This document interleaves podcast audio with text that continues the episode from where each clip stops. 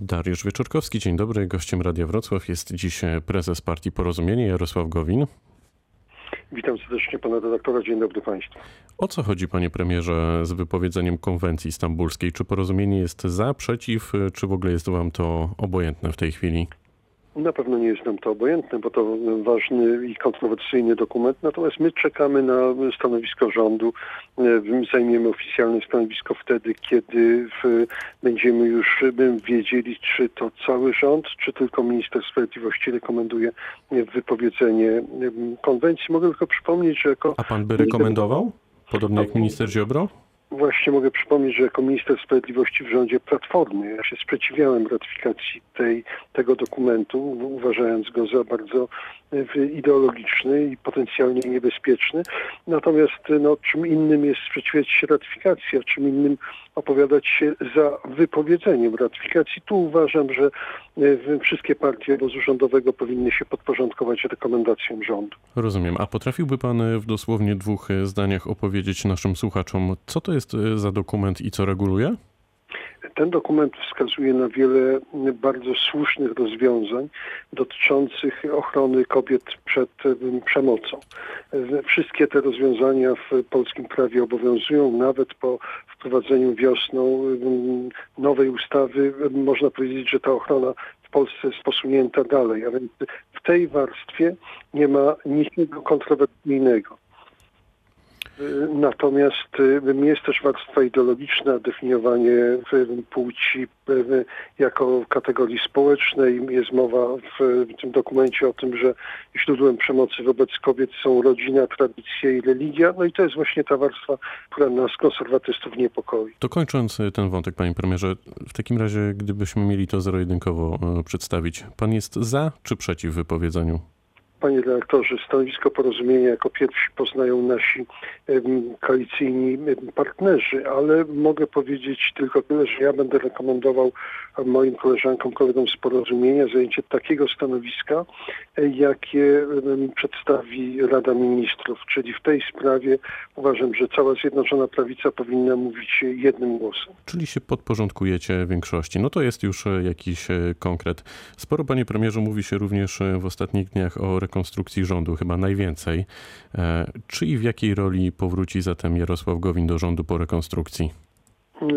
Nie weszliśmy w ogóle w fazę rozmów personalnych. Na razie koncentrujemy się na dwóch dużo istotniejszych wymiarach, czyli programie, programie zarówno na najbliższe miesiące, jak i na najbliższe trzy lata, bo mamy unikatową szansę takiego głęboki, głębokiego zmodernizowania polskiego państwa. Trzy lata bez wyborów naprawdę dużo dobrego można zdziałać.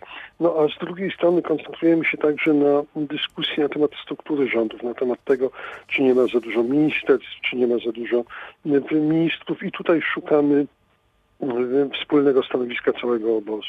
Ale czy pan chciałby powrócić do rządu? Ja jestem, panie rektorze, do dyspozycji, powiem tak, może trochę patetycznie, do dyspozycji mojej ojczyzny w każdej roli, w jakiej mogę być pożyteczny. Jak pan zauważył i pewnie wszyscy państwo również w roli tak zwanego szeregowego posła mogę odciskać istotne piętno na polskiej rzeczywistości, że nawiążę do sprawy terminu wyborów. No to już proszę tutaj nas nie kokietować, panie premierze. A gdzie chciałby pan powrócić? Który obszar pana najbardziej interesuje, gdy o tym nie, rozmawiamy? Naprawdę w takie dywagacje nie dam się wciągnąć. My w tej chwili na przykład musimy rozstrzygnąć, ile resortów przypada poszczególnym partiom koalicyjnym wraz z panem ministrem Ziobro i Solidarną Polską. Porozumienie uważa, że pod tym względem proporcje nie powinny ulec zmianie, ale to wszystko jest do dyskusji. Mogę wszystkich słuchaczy uspokoić, że na pewno stanowiska obu Zjednoczonej Prawicy się nie poróżni. Antoni Macierewicz powiedział w Polskim Radiu 24 o nowej umowie koalicyjnej Zjednoczonej Prawicy, że podstawowe kwestie są już ustalone. Czy mógłby pan rozwinąć to, co ma na myśli pan Macierewicz? Widocznie pan minister Macierewicz ma większą wiedzę niż ja, dlatego że w mojej ocenie i wiem, że podobnie do tej sprawy podchodzi pan minister Ziobro, jesteśmy na bardzo wstępnym etapie negocjacji. Natomiast te negocjacje muszą przebiegać bardzo dynamicznie, dlatego że umowę, nową umowę koalicyjną chcielibyśmy zawrzeć na początku września i wtedy też przeprowadzić restrukturyzację i zmiany person personalne w rządzie. Czy możliwe jest e, na przykład powstanie takiego super Ministerstwa Edukacji, odpowiedzialnego za całą ścieżkę właśnie edukacji od szkoły podstawowej aż po uczelnie wyższe?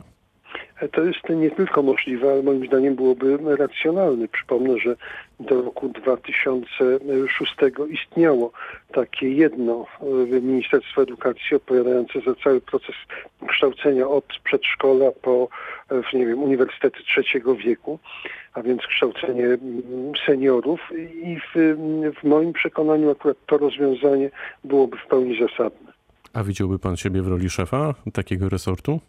No, znowu pan redaktor próbuje mnie naciągnąć na e, kwestie personalne. Tutaj w, jeszcze raz muszę się uchylić od e, odpowiedzi. Natomiast niezależnie od tego, kto będzie e, szefem tego resortu, może liczyć na pełne wsparcie z mojej strony. To zapytam inaczej. Czy to jest taki obszar, w którym czułby się pan dobrze?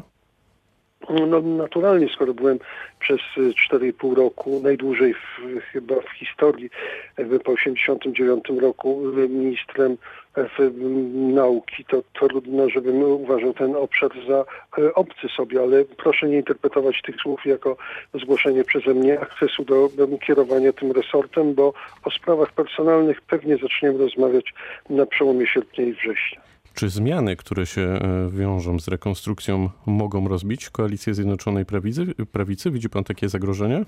Już wspomniałem, panie redaktorze, że na pewno sprawy stanowisk nie poróżnimy się w mm, obóz Zjednoczonej Prawicy i mówiłem to także w tym czasie, kiedy no, istniały napięcia dotyczące terminu wyborów. No, obóz Zjednoczonej Prawicy po pierwsze jest wielką wartością, po drugie to jest jedyna stabilna większość, jaką da się zbudować w obecnym parlamencie. Mamy globalny kryzys gospodarczy, mamy pandemię, obowiązkiem każdego polityka Zjednoczonej Prawicy jest unikanie sytuacji, w której na te dwa kryzysy nałożyłby się jeszcze kryzys polityczny.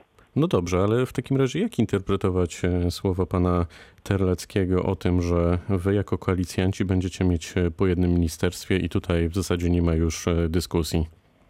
To jest prywatna opinia pana marszałka Terleckiego, natomiast no, pan marszałek nie uczestniczy ani w tych negocjacjach na szczeblu liderów partyjnych, ani w tych negocjacjach, które prowadzi taki trzyosobowy zespół, e, w skład którego wchodzi trzech e, młodych ministrów.